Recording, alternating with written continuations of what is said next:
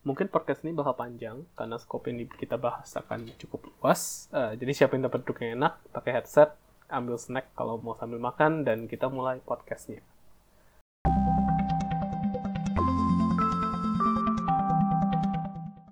Halo, welcome to Dev. Setelah sekian lama kita nggak publish, akhirnya kita publish lagi kayak ada beberapa minggu atau sebulan lebih tuh kita nggak publish. Jadi kita mau publish lagi episode hari ini itu kita mau bahas tentang side projects.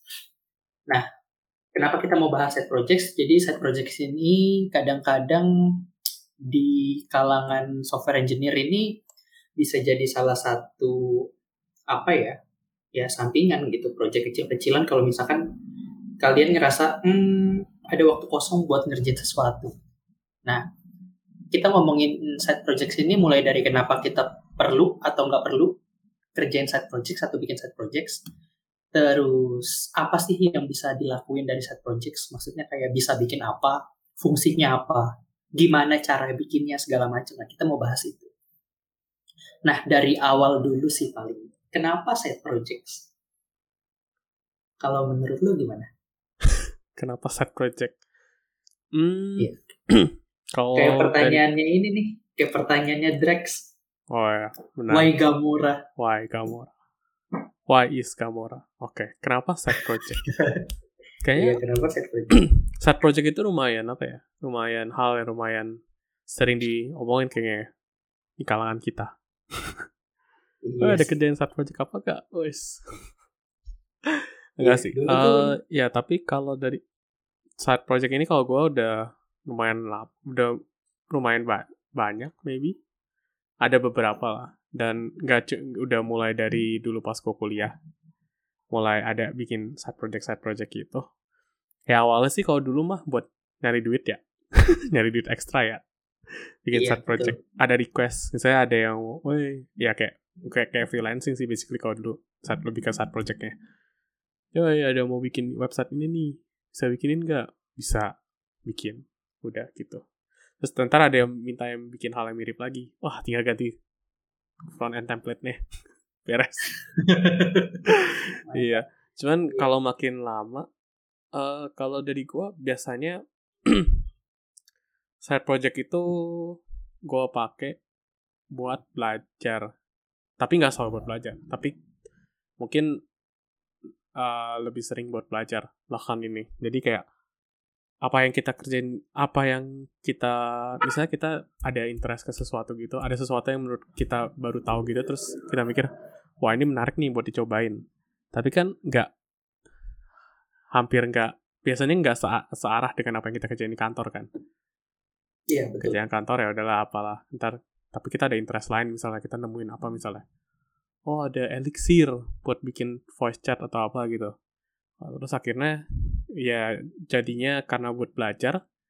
Karena met, biasanya cara gue belajar uh, kayak ada outputnya gitu. Kayak nggak teorinya dong misalnya elixir. Oh elixir dipakai biasanya misalnya buat bikin voice voice apa voice channel kayak discord gitu. Oh ya ya udah berarti kalau mau coba belajar elixir coba aja ah bikin project voice voice chat voice chat gitu. Nah, itulah side project side project gue kalau yang buat belajar. Jadi kenapanya hmm, kalau gue dari gue kebagi dua, buat duit sama buat belajar. Tapi belakangan ini lagi banyak buat belajar sih. Ah ya, tidak menutup untuk buat duit juga. kalau dari lu, lu banyak side project. Banyak sih harusnya lu ya kalau sebenarnya gue juga sama sih dari dulu dari mulai eh dari nggak mulai bukan mulai sih dari pertengahan kuliah lah dari udah mulai kenal yang namanya website karena seperti yang kita tahu kan di kayaknya nggak di Indo doang sih tapi project-project kayak gitu tuh sampai kan mostly API atau website kan biasanya kan. Ya, jadi semenjak atau, app, semenjak atau application. Iya iya atau application desktop gitu kan. Oh jadi semenjak udah bisa udah bisa bikin terus udah bisa bring products ke production udah tahu sek, uh, security-nya seperti apa segala macem jadi bukan cuma bikin yang asal bikin aja itu udah mulai si nyari-nyari ya lu ada project atau enggak segala macem dulu tuh benar uh, driven by money ya. Yeah. kayak kah gue nggak ngapa-ngapain nyari duit lah nyari duitnya kayak gitu. Dulu tuh rada susah sebenarnya buat nyari side project, uh, freelancing kayak gitu project freelance kayak gitu. Tapi ya karena dulu tuh karena mungkin mikirnya buat nyari duit kayak kayak misalkan tiba-tiba ada yang ngasih tapi duitnya nggak pas ditolak ya gitu-gitu dah ya biasanya sih gitu ya kalau gue yeah. tapi uh, makin ke sini itu lama-lama ngerjain side projects itu bukan driven by money lagi, bukan ya duitnya itu bonus lah, tapi karena udah kaya uh, apa namanya? Bukan gitu juga. Maksudnya uh, eh, gue tidak gue untuk saat ini gue tidak ada keharusan untuk mencari uang dengan mengerjakan side project, paham nggak? Kalau dulu tuh kayak kan kita masih dapat jajan dari orang tua kalau mau beli apa-apa kan minta juga udah nggak enak karena umur-umur segitu tuh udah umur-umur gengsi buat minta kan. Jadi makanya nyari side project saya itu driven by money. Kalau sekarang karena udah punya pekerjaan tetap segala macem side projects buat nyari duit itu udah uh, bisa jadi pilihan kesekian lah gitu. Bukannya karena udah kaya tapi karena emang udah punya apa ya primary revenue stream mungkin. Hmm benar Uh, nah, Tep. terus makin ke sini. Apa? Duluan, silakan. Makin ke sini itu uh, side projects itu gue nyarinya buat menghilangkan kejenuhan dari pekerjaan yang ada. Ya. Karena setuju. ya karena gitu. Apa namanya? Kita kerja kurang lebih 8 jam sehari. Gue tidur tuh paling 5 sampai 6 jam. Sisanya gue ngapain ya? Produktif atau enggak sih? Ya gitu-gitu. Terus kalau bisa ngasilin sesuatu entah itu hasilnya seperti blog post atau hasilnya seperti podcast ini ya apa pun lah. Seenggaknya nggak nganggur-nganggur banget. Dulu tuh mikir kayak gitu. Side project juga sebelum sebelum kita mulai podcast ini sama sebelum gue mulai nulis blog juga ya tujuannya itu buat ya buat ngisi kekosongan aja. Ya, buat ngisi kekosongan deh kalau buat belajar. Iya. tapi kalau dari iya. lu yang dari yang sekarang belakangan ini yang driven dari lu sendiri oh aku mau bikin ini atau dari orang lain bisa bikin ini kak? Itu kira-kira kebanyakan mana sih? Gua sekarang ini jujur ya yang nawarin tuh sebenarnya ada ada yang nawarin. Gue juga bilang eh lu kalau ada gue bilang ke temen gue lu kalau ada project tawarin gue deh. Karena pertama gue cukup bosenan kan orangnya. Apalagi gue sekarang kan uh, apa namanya job desk gue kan DevOps kan. Jadi nggak nggak gitu ngoding banyak banyak sebenarnya. Jadi ya ada ada rasa-rasa kangen-kangen aja kayak gitu. Dan ya bisa dimanfaatin kan. Hmm. uh, apa namanya kebisaannya walaupun dikit-dikit. Nah jadi gue kalau misalkan ditawarin sih sebenarnya ada. Duitnya gede sih duitnya gede. Cuman kayak apa namanya resource-nya aja nggak ada. Kayak misalkan eh bikin web tapi sama mobile juga. Mobilenya mintanya Flutter webnya mintanya Node.js ya resource-nya gue nggak ada. Ujung-ujungnya gue tolak. Yang kayak gitu. Terus uh, itu yang tadi lu bilang ditawarin dari orang kan? Hmm. kalau misalkan yang dari diri sendiri sebenarnya gue ngerjain side projects itu uh, nggak ada ya kayak apa namanya gue gue makin ke sini tuh makin males. Jadi gue tahu gue harus nyari tahu sesuatu nih misalkan apa ya. Yang kemarin deh uh, mutual TLS deh. Mutual TLS apa ya? Panjangannya lupa gue Wah. transport layer security yeah. lupa gue nah itu kayak M MTLS gimana cara implementnya segala macem. Ya itu ujung-ujungnya gue cuma baca-baca blognya doang implementasinya enggak. Nah terus makin ke sini gue jadi makin apa namanya makin pilih-pilih sih kalau misalkan ditawarin sama orang uh, eh, gue lihat dulu speknya kayak gimana yang ditawarin kan. Kalau misalkan kira-kira gue lagi nyari MTLS terus tiba-tiba oh iya nih ini uh, eh, MTLS ini bisa gue implement di sini. Itu baru gue ambil. Alasannya adalah buat ngilangin kemalasan gue tadi. Jadi gue punya tujuan kenapa harus gue nyoba, harus gue cobain si MTLS ini kayak gitu. Hmm. Ya, intinya gitu. lu belajar apa, lu mau cari tahu apa, akhirnya jadiin project aja kan ya. betul dicocok-cocokin aja nggak kayak nggak terlalu beda lama gua project yang paling menarik side project yang paling menarik yang pernah lu bikin menarik nih bebas in terms of apa in terms of challenging kalau gampang. challenging. Kalau challenging ya? Bermacam-macam sih. Kalau challenging itu dari zaman dulu pasti challenge-nya pasti naik kan ya? Mm-mm. kayak mulai dari bikin CMS buat travel terus yang paling challenging sih sebenarnya pakai FB SDK sih itu. Males banget gue baca dokumentasinya berantakan untuk bikin tapi eh, untuk ngakses Instagram ini Instagram post oh I see nah dia pakai FB SDK dan itu dokumentasinya rada-rada gitu jadi ya lumayan challenging lah hmm. Terus sekarang juga gue lagi megang sih side project. Terus eh, apa namanya? Yang paling menarik sih yang sekarang ya karena eh, apa namanya? skill DevOps-nya ternyata kepake. Bukan cuma bikin apps doang tapi ngurus ngurus apa namanya? profes eh, provisioning servernya, terus ngurus SSL-nya, ngurusin eh, apa lagi ya? eh, reverse proxy-nya segala macam ya itu lumayan. mantap jadi lu udah Iya. sering lah ya apalagi sekarang lagi Enggak. jalan nggak sering sebenarnya yang nawarin yang nawarin ada cuman karena resource-nya yang terbatas jadi ngambilnya cuma yang yang ada kecocokan aja. Ah. I see. Dan itu lu kerjain rame-rame? Berdua sih. Weh, mantap. Karena gua nggak bisa handle front end kan jadi mesti ada orang yang handle front end atau client side gitu. Oh iya tentu saja. Ya gitu deh. Iya, kalau di gua yang apa ya menarik tuh sebenarnya ada beberapa sih yang lumayan menarik. Kayaknya yang lumayan berkesan deh. At least dari sisi ngebantu karena apa produknya ya.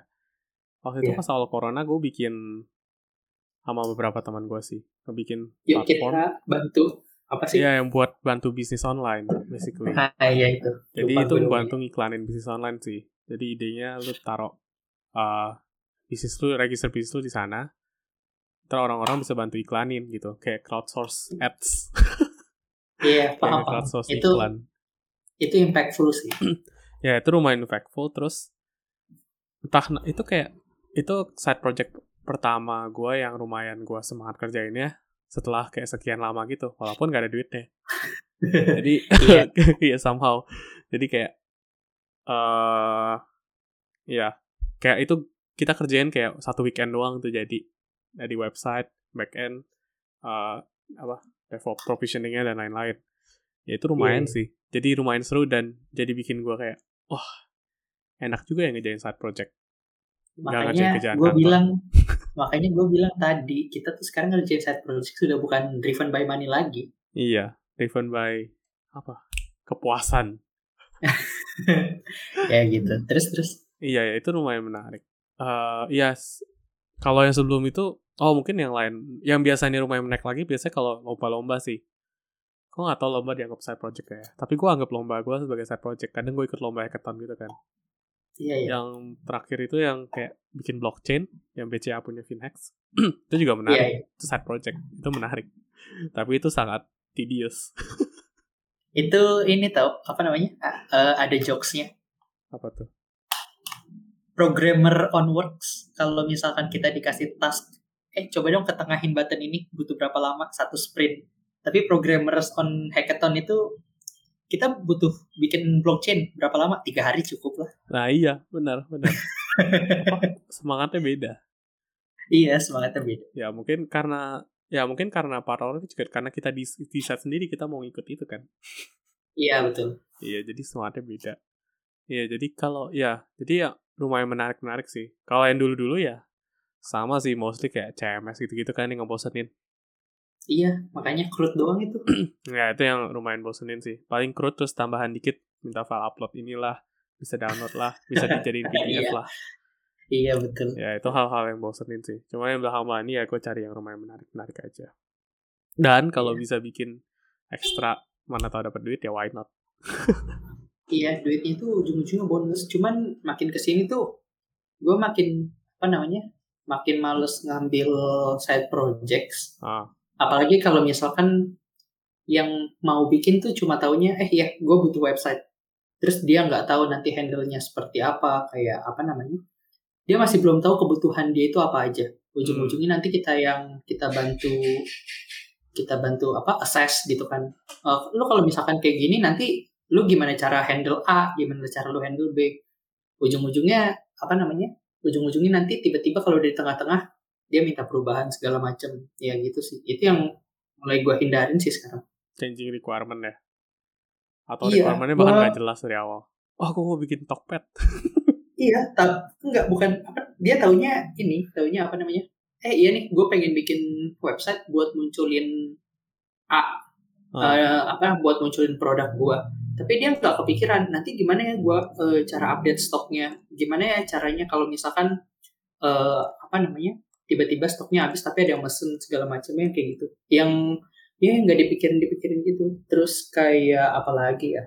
Ada yang nggak ngasih UI ada yang nggak ngasih desain. Sedangkan kita kan eh, kalau misalkan website kan visualisasi kan cukup penting. Iya. yang kayak gitu kayak gitu sih yang dihindarin lama-lama jadi eh, dari tadinya pengen menghilangkan kejenuhan dari pekerjaan malah jenuhnya ngerjain kerjaan orang lain. Benar. Jadi stres. Iya. nggak baik nggak baik. Iya begitulah. Oke. Terus oke tadi lu ada poin-poin menarik. Ya gue juga sih. Gimana kalau maksudnya ada project yang dari orang kan? Side projectnya. Iya. Gima- biasa lu gimana nyarinya? Nyari gituan? Langsung direkomend kah? Gua cara nyarinya gua tulis sih di IG gua. Kalau misalkan lu butuh bikin apps atau bikin website atau bikin apa pun lah kontak aja. Jadi gua nggak aktif ngepromote sih. Tapi at least orang ngebuka profile IG gua ya dia bisa lihat. Kurang lebih seperti itu. Tapi sisanya yang gua kerjain atau yang datang ke gua itu rata-rata dikasih orang sih. Ah I see. Bahkan lu taruh di Instagram ya? Iya, gue ada di Instagram, tapi itu nggak gue update. Ah, karena emang nggak aktif aja. I see. Oke menarik.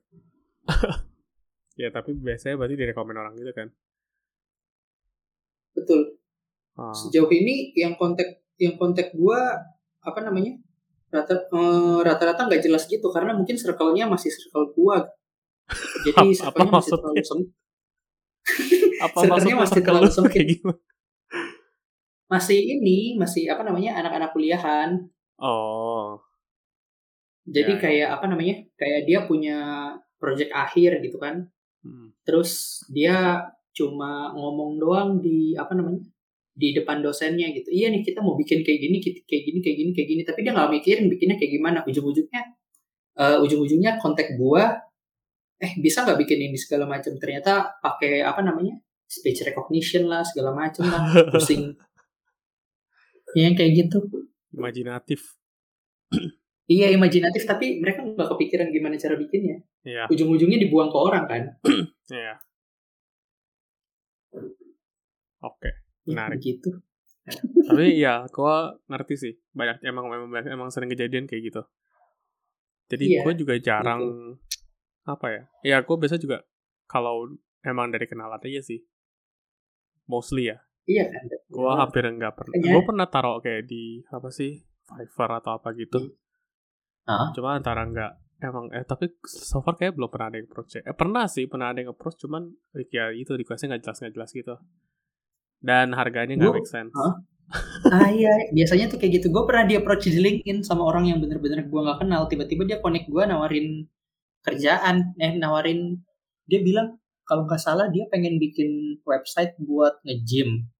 ah Tapi budgetnya berapa gitu? Gue lupa dia kasih budget berapa, tapi intinya nggak masuk aja. ah iya banyak yang gitu sih emang makanya biasanya gue dia kenalan jadi kita udah kenal lebih gampang nego-nego dan lain-lainnya lebih lebih Iya, gampang juga betul. sih komunikatnya ya Iya betul. iya benar-benar set project set project Pengalaman Hmm, apa ya? tuh? Apa aja sih yang lu belajar biasanya dari side project? Kalau kayak gue nih, Apa apa ya? Yang gue belajar, eh bukan yang gue belajar sih, yang kadang gue faktanya itu, faktanya itu side project biasanya kalau emang yang buat gue sendiri, yang dari Hah? inisiatif gue, Iya. hampir nggak pernah kelar. Maksudnya apa ya? Udah mau kelar, maksudnya at least yang kita mau tes udah jalan, tapi nggak rapi gitu kan? Nggak Ya. nggak dipolish, nggak dipolish. Sebelum Ya, ada betul. niat untuk nge-polish, ah udah kepikiran yang lain. Kejadian yang lain. Itu sering banget itu pasti kayak gitu. Iya, lu juga sering ngalamin. Jadi, aduh, ini ada meme-nya. Jadi dia ada empat ada empat buletan. Buletan pertama itu eh apa namanya? Get the fresh idea. Ah. Buletan kedua itu start the projects. Buletan ketiga itu end the projects. Buletan keempat itu finding a new idea. Nah, end, end the projects-nya itu nggak pernah nggak pernah masuk ke dalam flow. Jadi Oh. cuma tiga doang walaupun buletannya ada empat. Iya, tapi itu Biasanya tuh very relatable itu. sih. Iya betul. eh tapi gue ini sih, gue juga sering kayak gitu. Kayak apa namanya? Kayak nyobain waktu itu gue belajar apa ya lupa. Belajar closure. Ah, Closure tuh kan paradigmnya aneh gitu kan functional programming di JVM kan. Ya. Terus kayak awal-awalnya tuh penasaran ini gimana sih kerjain eh bikinnya segala macem. Terus udah tahu oh ternyata functional programming tuh gini doang. Terus udah nggak dilanjutin lagi. Padahal kayak bahkan belum connect ke database, bahkan belum logging, bahkan belum gimana caranya bikin API segala macem. Hmm. Cuman karena kayak ada ada di kepala gue tuh oh, ya udah cukup belajarnya sampai sini aja yang penting tahu. Jadi kayak apa namanya? Kalau lu inget si apa namanya? Di Avenger tuh ada ada kata-kata kayak gitu. Siapa yang ditanya gue lupa. Yang ditanya Black Widow, tapi gue lupa dia bahas apa. Ditanya sama Ant-Man, lu pernah eh lu Oh, Tahu ini quantum, nggak? quantum itu ya? oh iya, lu tahu quantum physics nggak? Cuma buat bikin conversation ya? Betul. ya jadi gue mikir lama-lama kayaknya gue belajar cuma buat bikin conversation doang. Iya, Ya, kayak tahu gitu tahu dasar, tahu atas-atasnya. Iya. Ya gitu. Jadi kayak nggak didalemin gitu. Bener bener kata lu nggak dipolish. Iya benar. Ya itu gue, ya itu kayak sering ngalamin sih. Iya gitu. Tapi selama ini Pekerjaan sampingan. tadi menarik tadi lu bilang lu make ini buat killing time justru. Tapi Iya, kalau gue justru kadang gue kesulitan buat nyari waktunya. Karena lu nggak ada waktu, karena lu nggak ada waktunya, makanya lu pengen bikin sesuatu. Dulu tuh gue juga kayak gitu, makanya gue bikin blog, makanya pas lu ngajakin podcast gue pengen. Hmm. Sekarang tuh eh, waktunya udah ada, Ah, oke. waktunya udah ada jadi gue bingung pengen ngapain waktunya kayak apa namanya kayak lu ke restoran menunya terlalu banyak lu lu lu bingung pengen makan apa tapi kalau menunya cuma tiga pasti lu cepet milihnya Hmm. Kayak gitu sih gue mikir Berarti emang lu sekarang lagi kosong aja kan? Makanya banyak waktu, ada waktunya intinya lah ya. intinya ada waktunya betul Ya ya. Karena kalau gue em, kayaknya emang ada waktunya. Cuman udah gue alok karena apa ya? Kadang gue sekali jalan tuh nggak cuma satu. Jadi kadang Mantap. yang yang nangkep interest tuh banyak. Ya udah jalan dua atau bisa dua lah biasanya. Jadi Hmm. ya kadang ngelempar ngelempar nyari waktu antar satu sama yang lain ya ya itu sih emang susah sih. Makanya biasa gue kayak bikin tadinya- schedule-nya aja hari ini ngerjain yang mana, besok ngerjain yang mana, gitu. nah itu itu gue stres sih kalau kayak gitu ya ini Iya. aja gue kan sekarang gue lagi ngerjain project nah projectnya itu duitnya nggak seberapa sih karena anak kuliahan kan Hmm. maksudnya ya udah gue bantuin aja gitu intinya Hmm.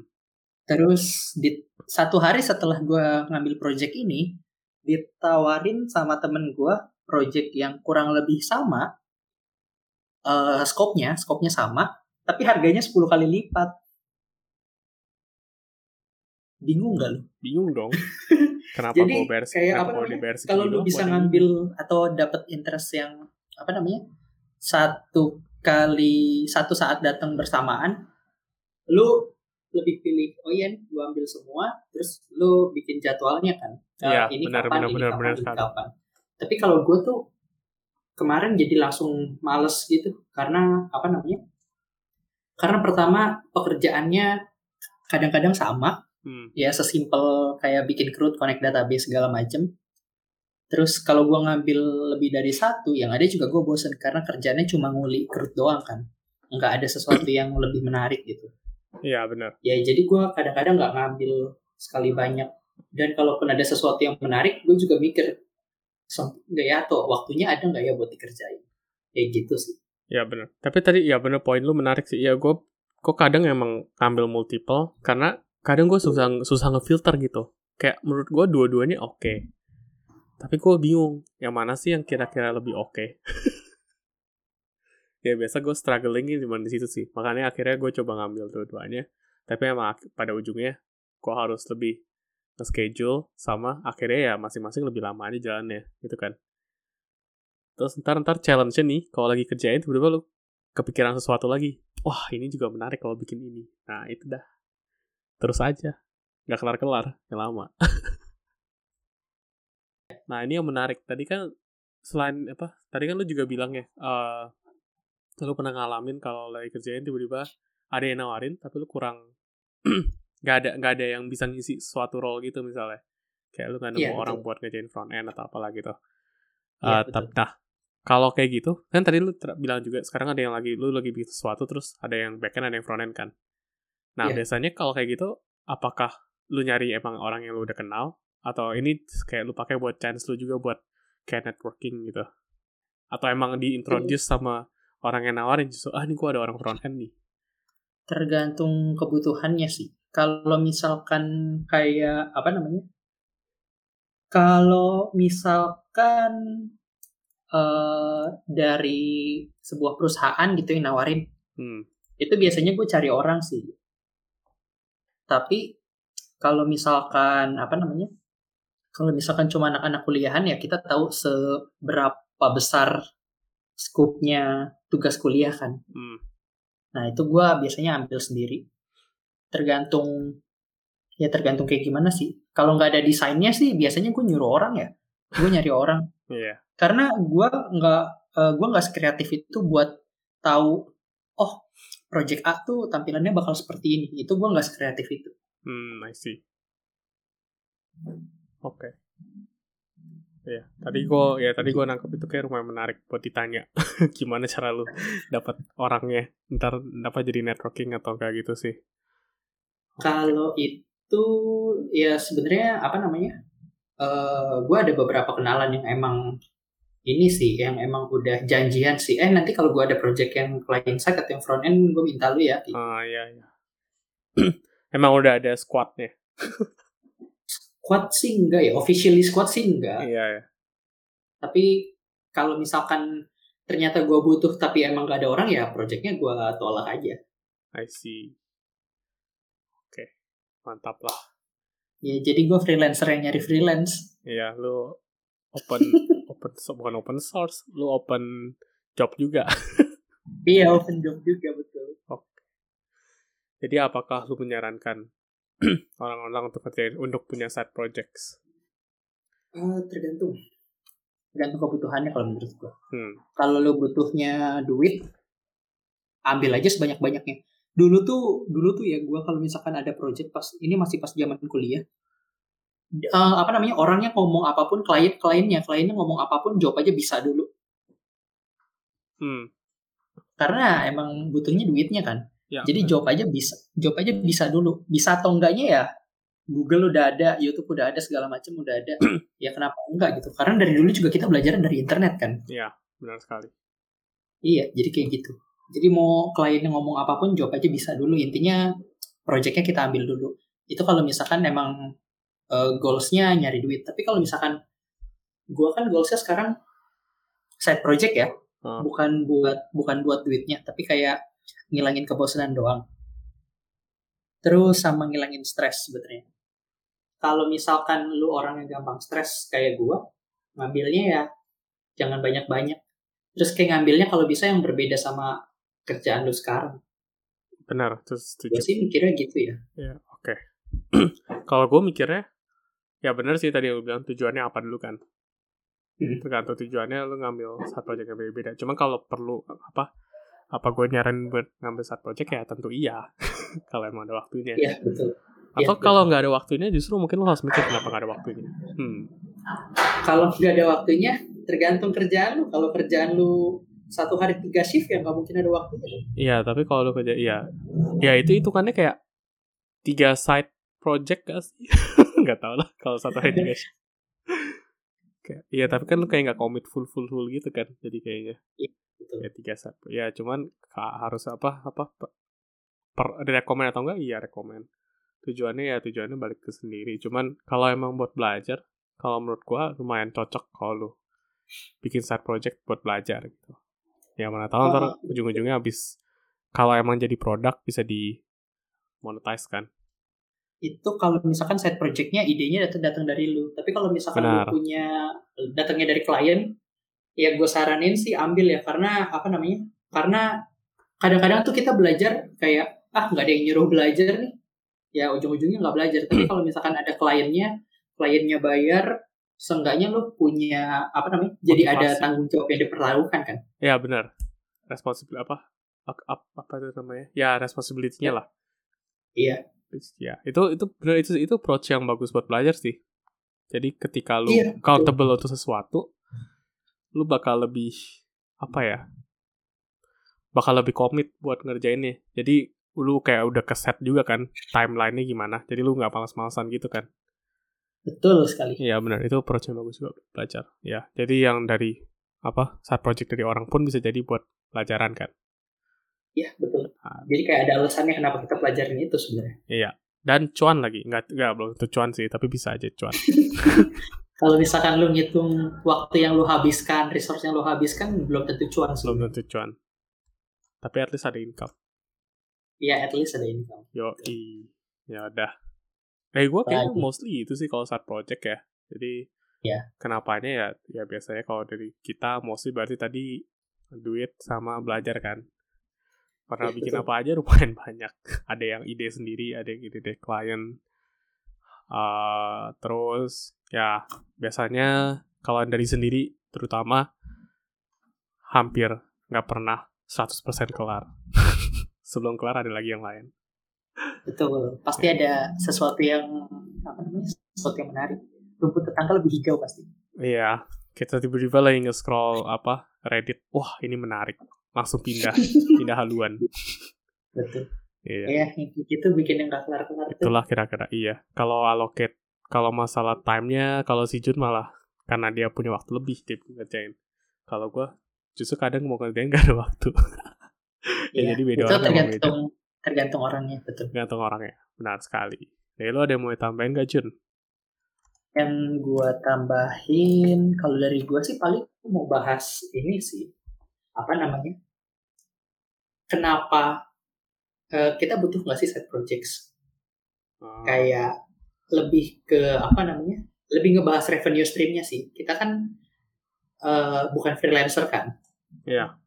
kita punya pekerjaan utama terus buat eh, apa namanya seperti yang kita tahu kan beberapa ya karena pandemi ini sih sebenarnya. Ada beberapa perusahaan yang emang apa namanya eh mencat terus ya mencat sih intinya. Hmm. intinya mencat terus lu jadi nggak dapet uh, lu nggak dapet apa namanya duit lagi dari pekerjaan utama lu. Jadi kan lu udah nggak punya penghasilan nih nggak punya gaji terus penting gak sih sebenarnya side project ini walaupun lu udah punya pekerjaan utama? Jadi kayak uh, emergency revenue stream. Kalau menurut gua sih penting-penting aja apalagi kalau lu bisa mungkin awalnya tergantung ya. Ka- kalau emang lu goal awalnya emang udah buat nyari revenue stream sampingan ya berarti emang ada kebutuhan atau emang lu ada interest di sana kan. Cuman Betul. ada juga yang gak sengaja oh nggak sengaja bisa dimonetize. Ya, itu juga nggak masalah. Cuman kalau penting atau enggaknya menurut gua ya penting-penting aja. Why not gitu? Kayak ya ada cadangan benar. Ada emergency.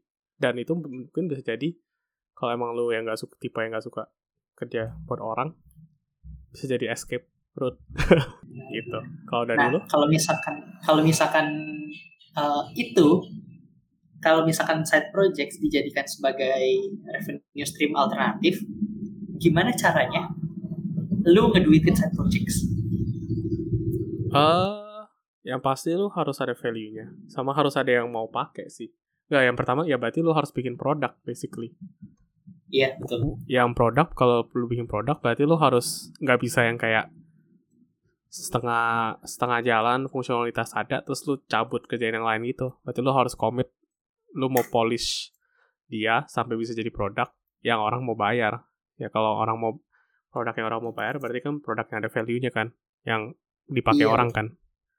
Iya, ya betul. berarti itu sih. Berarti ya kayak lu bi- basically kayak bikin produk kan. Berarti lo harus tahu dulu ada marketnya atau enggak nge-solve masalah apa. Terus ya udah lu bikin solusinya terus mulai marketingnya. Kayaknya yang biasanya yang mulai susah tuh kalau pas uh, cari problemnya. Problemnya mungkin nggak terlalu susah nyarinya. Tapi apakah problem itu banyak orang yang ngalamin. Atau cuma lu aja. Itu mungkin jadi itu questionnya. Sama apakah kalau apakah yang lu bikin ini mau dipakai orang juga sih?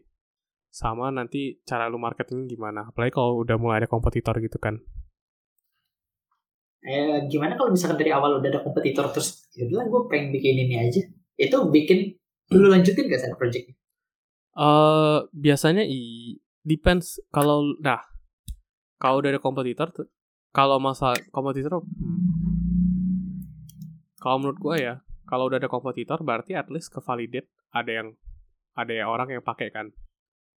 Iya, berarti betul. emang ada marketnya. Nah tapi apa yang Betul. lu harus cari tahu itu produk kompetitor lu kurangnya di mana sih yang bisa lu improve? Karena lu tetap harus kasih value pembeda gitu sih. Kalau enggak lu kan lu kan mencoba untuk supaya customer baru atau customer yang udah pakai produk kompetitor itu pindah ke lu kan aku mau acquire kan Iya, berarti emang betul. harus ada improvementnya dan lu cari tahu masalah produk mereka apa yaitu soalnya apa namanya? Kalau gue ada gue ada temen, jadi kadang-kadang kita punya kadang-kadang kita brainstorm ide gitu. Apa sih yang bisa kita bikin? Seenggaknya sesuatu yang gampang, terus bisa jadi passive income, hmm, terus bisa ditinggal. Kadang-kadang tuh kita brainstorm ide-ide kayak gitu. Terus kayak eh, ada beberapa temen gue yang udah dapet nih idenya, oh iya bagus, bisa dijalanin, bisa ditinggal, bisa jadi passive income. Terus akhirnya di drop projectnya karena udah ada yang punya. Terus kita tuh selalu mikir eh, apa namanya? Apa ya contohnya ya? Eh, dulu tuh nih sebelum Grab sama Gojek bisa nge-pick up order, hmm, dulu tuh gue punya ide itu. Jadi instead of kita nung eh, kita ngantri, dulu tuh ide gue sesimpel ini. Instead of kita ngantri di dalam mall, instead of kita ngantri, kenapa kita nggak pesen aja? Nanti kalau udah baru kita samperin. ya Kan biasanya kalau secara manual kita bilang ke mas atau mbaknya, mas nanti saya balik lagi ya kayak gitu kan. iya bener Tapi maksudnya kita tetap perlu datang ke sana, kita perlu dat- tetap datang ke kiosnya terus nanti balik lagi. Gimana kalau misalnya kita nggak usah perlu datang ke sana, kita pesen aja nanti kita ambil. Ide gue tuh dulu kayak gitu. Terus kita udah semangat, udah bikin eh, apa namanya? Udah bikin kayak desain kasarnya, udah bikin relasi database-nya. Terus tiba-tiba 15 hari setelahnya, ingat banget. launch 15 hari setelahnya Grab bilang sekarang bisa pick up sendiri. Wah, langsung di drop itu project. Padahal Iya. itu bagus banget. Gue pikir ya itu emang happen sih Ah, Makanya kadang kalau yang bergerak di bisnis yang mirip gitu Ah. gue jarang jarang mencoba sih maksudnya karena bah ah, karena, karena mereka udah ada lu- ekosistemnya gitu kan betul karena bahkan yang lu bilang tadi jadi nggak relevan. Kayak seenggaknya lu ada sesuatu ada ada value yang beda gitu kan. iya Bahkan gue sama Grab aja tadi udah beda banget tuh eh, dari sisi approach-nya. Tapi ternyata dia bisa bikin. iya benar apalagi mereka udah ada grab food ya udah Betul. langsung Nah itu kayak bikin males tuh sebenarnya. Iya, lu harus mikirin itu juga sih. Ketika lu bikin launch, secepat apa kompetitor lu bisa ngejar.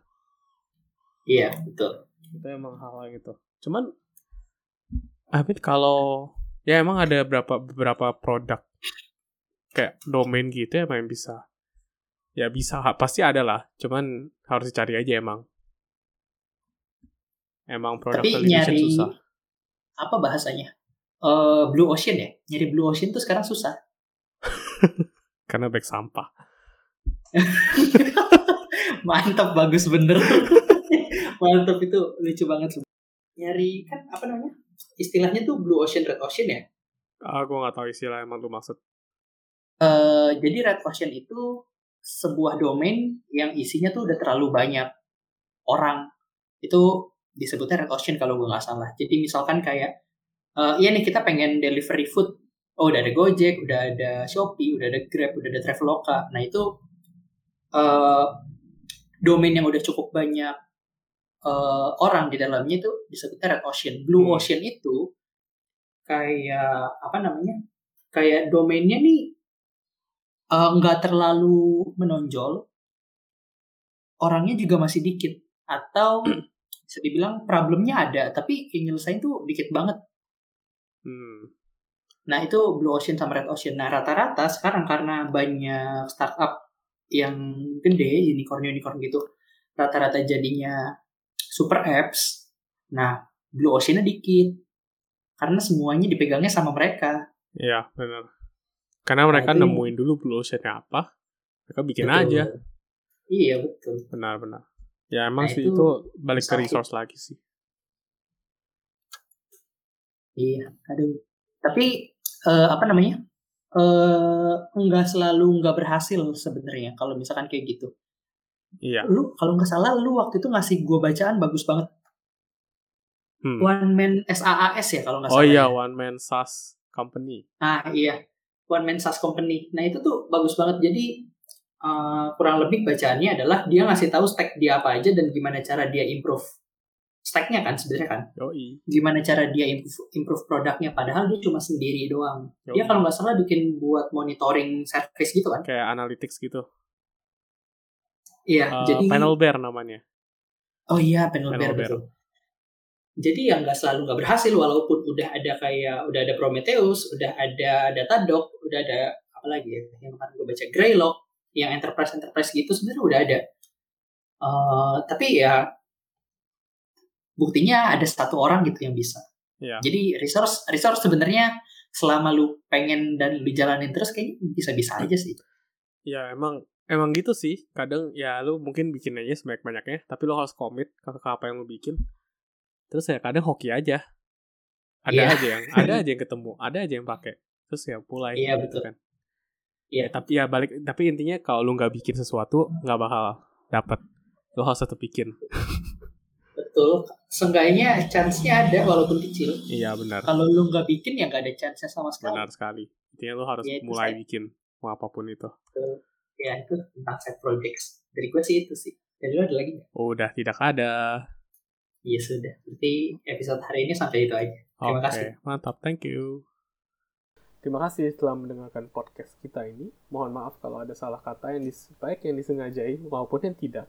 Uh, jika ada pertanyaan lebih, lebih lanjut, bisa kontak kita di hello at positive.dev atau juga bisa DM di Instagram kita at positive.dev.